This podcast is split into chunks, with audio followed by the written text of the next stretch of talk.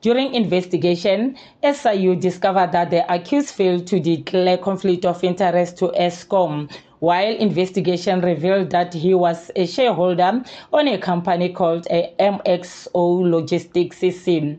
The company was conducting business with Eskom.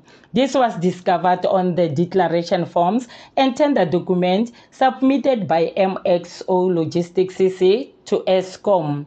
As a result, Eskom suffered an actual loss of 14,914.